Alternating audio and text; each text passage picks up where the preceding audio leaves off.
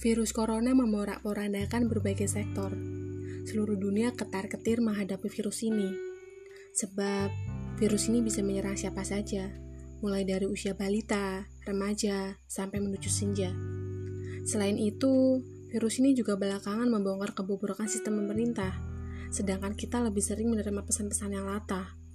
Lalu publik dibuat berdebat perbedaan pulang kampung dengan mudik, atau apa maksudnya berdamai dengan virus corona? Kendati demikian, kita harus tetap berupaya untuk melawan virus ini.